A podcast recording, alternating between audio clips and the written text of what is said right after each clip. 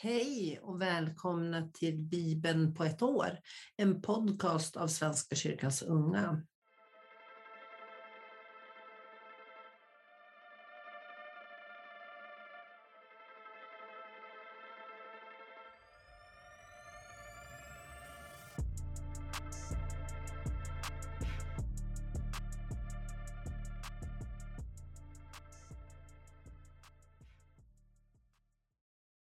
Jag som eh, läser för er idag heter Kerstin. Jag är kanslichef på Svenska kyrkans unga och jobbar på förbundskansliet i Uppsala tillsammans med Oskar som ni brukar lyssna på i den här podden. Idag så hade jag förmånen att få sjunga en psalm tillsammans med mina kollegor och det är min favoritpsalm en vänlig grönskas rika dräkt. Den tycker jag är så fin och den berättar om hur fint det är. Och också förgängligheten i grönskan. Och det är väl därför kanske det är så finast också, för man vet att man har det bara nu och det gäller att ta vara på det, lika som att ta vara på livet. Ja, jag ska inte bli för långrandig. Vi ska ju läsa Bibeln idag och vi ska fortsätta i Andra Samuelsboken. Och då handlade det igår om Absalom i Jerusalem. Och nu går vi över till kapitel 17 och då är det vers 1 till 29 som vi ska läsa. Så nu kör vi. Ashitofel sade till Absalom Låt mig ta ut 12 000 man och sätta efter David nu i natt och överrumpla honom medan han är trött och modlös. Jag ska jaga skräck i honom och när allt hans folk har flytt dödar jag honom, bara honom. Sen ser jag till att folket söker sig till dig som bruden till sin brudgum. Det är ju bara en enda som du är ute efter att döda alla de andra kan du lämna i fred. Både Absalom och den äldste i Israel gillade förslaget, men Absalom tillkallade dessutom Husai från Erek för att höra hans mening. Husai kom och Absalom berättade vad Ashitofel hade föreslagit. Ska vi göra som han säger? frågade han. Om inte, vad tillråder du? Då sade Husai, det var inte något bra råd Ashitofel gav den här gången. Du känner själv din far och hans män och vet att det är tappra kämpar och uppretade som en björnhona i vildmarken som förlorat sina ungar. Din far är en erfaren krigare. Han övernattar inte bland sina män. Säkert har han nu gömt sig i en håla eller på något annat ställe. Redan vid första anfallet skulle ryktet spridas att Absaloms folk lidit nederlag. Och då skulle också den tappraste, den som har ett lejons bod, darra av rädsla. Hela Israel vet ju att din far är en hjälte med modiga män omkring sig. Mitt råd är detta. Samla alla israeliter från Dan till Bersheva. En skara talrik som havets sand och gå sedan själv mitt ibland dem. Som daggen faller på marken så ska vi komma över honom om var han än finns och skona varken honom eller någon av hans män. Om han tar sin tillflykt till en stad ska israeliterna slå ett rep runt den staden och dra ner den i ravinen så att det inte en sten blir kvar. Absalom och alla israeliterna förklarade att det råd som Husai från Erek gett var bättre än Ashitofels. Ty Herren hade beslutat att om inte göra Ashitofels kloka råd och störta Absalom i fördärvet. Husai berättade för prästerna Sadok och Eviatar vilket råd Ashitofel hade gett Absalom och Israels äldste och vilket råd han själv hade gett. Han uppmanade dem att genast meddela David. Dröj inte över natten vid flodövergångarna i öknen, utan gå över till den andra sidan. Annars är det ute med dig och hela din här.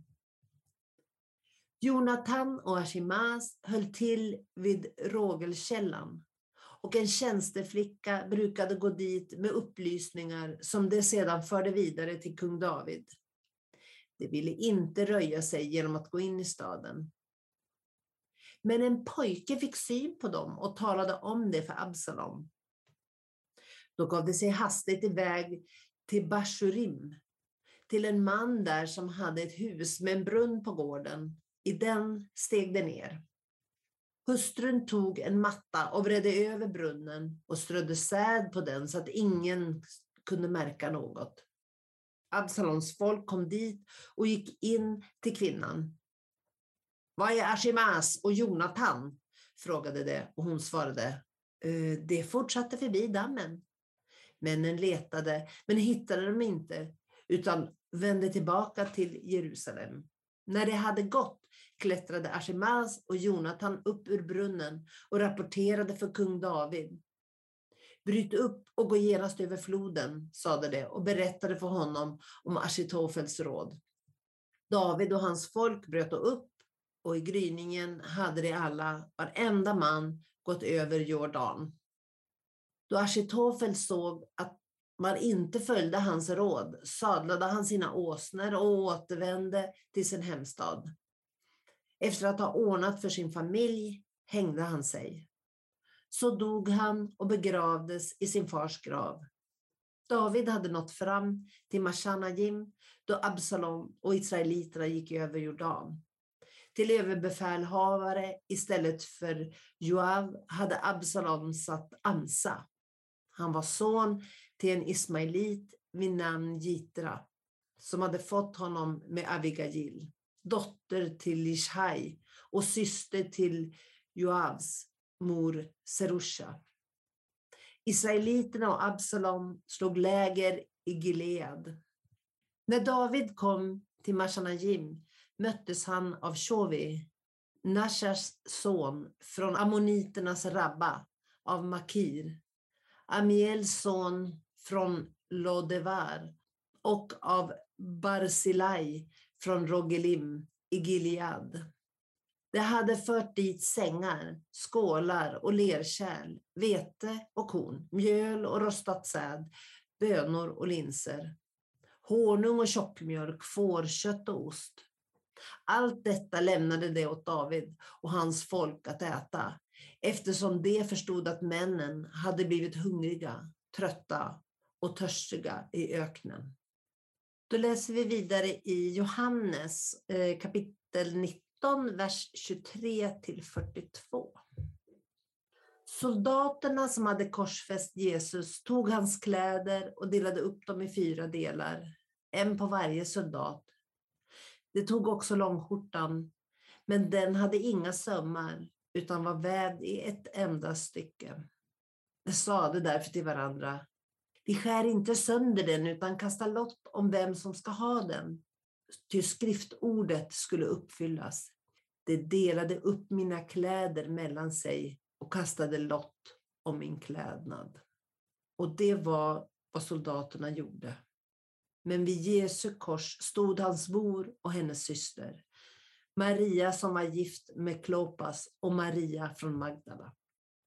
När Jesus såg sin mor och bredvid henne den lärjunge som han älskade sade han till sin mor, Kvinna, där är din son. Sedan sade han till lärjungen, där är din mor. Från den stunden hade hon sitt hem hos lärjungen. Jesus visste att nu var allt fullbordat och för att skriftordet skulle uppfyllas sa han, jag är törstig. Där stod ett kärl som var fyllt med surt vin. Det satte därför en svamp som doppats i det sura vinet på en istoppskälk och förde den till hans mun. När Jesus hade fått det sura vinet sade han, det är fullbordat. Och han böjde ner huvudet och överlämnade sin ande. Eftersom det var förberedelsedag och kropparna inte fick hänga kvar på korset under sabbaten, det var en stor sabbat, bad judarna Pilatus att de korsfästas benpipor skulle krossas och kropparna tas bort. Soldaterna kom därför och krossade benen på dem som var korsfästa tillsammans med Jesus. Först på den ene och sen på den andra. Men när de kom till Jesus och såg att han redan var död krossade inte hans ben, utan en av soldaterna stack upp sidan på honom med sin lans och då kom det ut blod och vatten. Den som såg det har vittnat om det för att också ni ska tro. Hans vittnesbörd är sant och han vet att han talar sanning. Detta skedde för att skriftordet skulle uppfyllas. Inget ben skall krossas på honom. Och på ett annat ställe heter det, det ska se på honom som det har genomborrat. Josef från Arimataya, som var lärjunge till Jesus fast i hemlighet av rädsla för judarna, bad efteråt Pilatus att få ta ner Jesu kropp. Pilatus tillät det och Josef gick och tog ner kroppen. Nikodemus kom också dit, han som första gången hade sökt upp Jesus på natten. Och han hade med sig en blandning av myrra och aloe, omkring 30 kilo. Det tog Jesu kropp och lindade den med linnebindlar tillsammans med kryddorna, så som judarna brukade göra vid en gravläggning. Intill platsen där Jesus hade blivit korsfäst fanns en trädgård och i trädgården en ny grav där ännu ingen hade blivit lagd. Där lade Jesus, eftersom det var den judiska förberedelsedagen och graven låg nära. Ja, det är väldigt dramatiskt och man kan känna hur ont det gör i de människor som är där för att sörja honom. Vi går vidare till Saltaren kapitel 119, vers 129 till 152. Underbara är dina lagbud, därför lyder jag dem. När dina ord öppnar sig ger de ljus. Åt det oerfarna ger det förstånd. Jag lyssnar begärligt med öppen mun, ty jag längtar efter dina bud. Vänd dig till mig och visa mig nåd, som du gör med dem som älskar ditt namn. Led mina steg som du lovat. Låt ingen ondska få makt över mig. Befria mig från människors förtryck så att jag kan följa dina befallningar. Låt ditt ansikte lysa över din tjänare och lär mig dina stadgar. Tårar strömmar från mina ögon för att man inte håller din lag. Rättfärdig är du, Herre, och rättvisa dina lagar. Dina lagbud ger du i rättfärdighet och i stor trofasthet. Jag förtärs av lidelse och harm när mina fiender glömmer dina ord. Ditt löftesord är fritt från slagg och dina tjänare älskar det. Jag är ringa och föraktad, men jag glömmer inte dina befallningar. Din rättfärdighet är en evig rätt och din lag är sanning.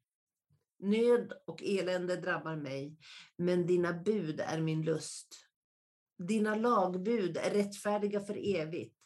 Ge mig förstånd så jag får leva. Jag ropar av all min kraft, svara mig, Herre. Jag vill hålla dina stadgar. Jag ropar till dig, rädda mig, så att jag kan lyda dina lagbud. När morgonen gryr ropar jag, jag hoppas på ditt ord. När natten bryter in vakar jag och begrundar dina löften. Herre, hör mitt rop i din kärlek. Skänk mig liv som dina lagar lovat. Mina skändliga förföljare närmar sig. Det är fjärran från din lag. Men du, Herre, är nära och alla dina bud är sanna. Sedan länge vet jag genom dina lagbud att det stadgats av dig för evigt. Och som vanligt så avslutar vi med Ordspråksboken. Och det är 16 kapitlet, vers 12 till 13. Kungar avskyr onda gärningar, ty rättfärdighet befäster tronen. Rättfärdigt tal behagar kungen, den sannfärdige älskar han. Ja, det var allt för idag i Bibeln på ett år, podcasten från Svenska kyrkans unga. Jag som har läst idag heter Kerstin och jag önskar er adjö, hej då och godnatt.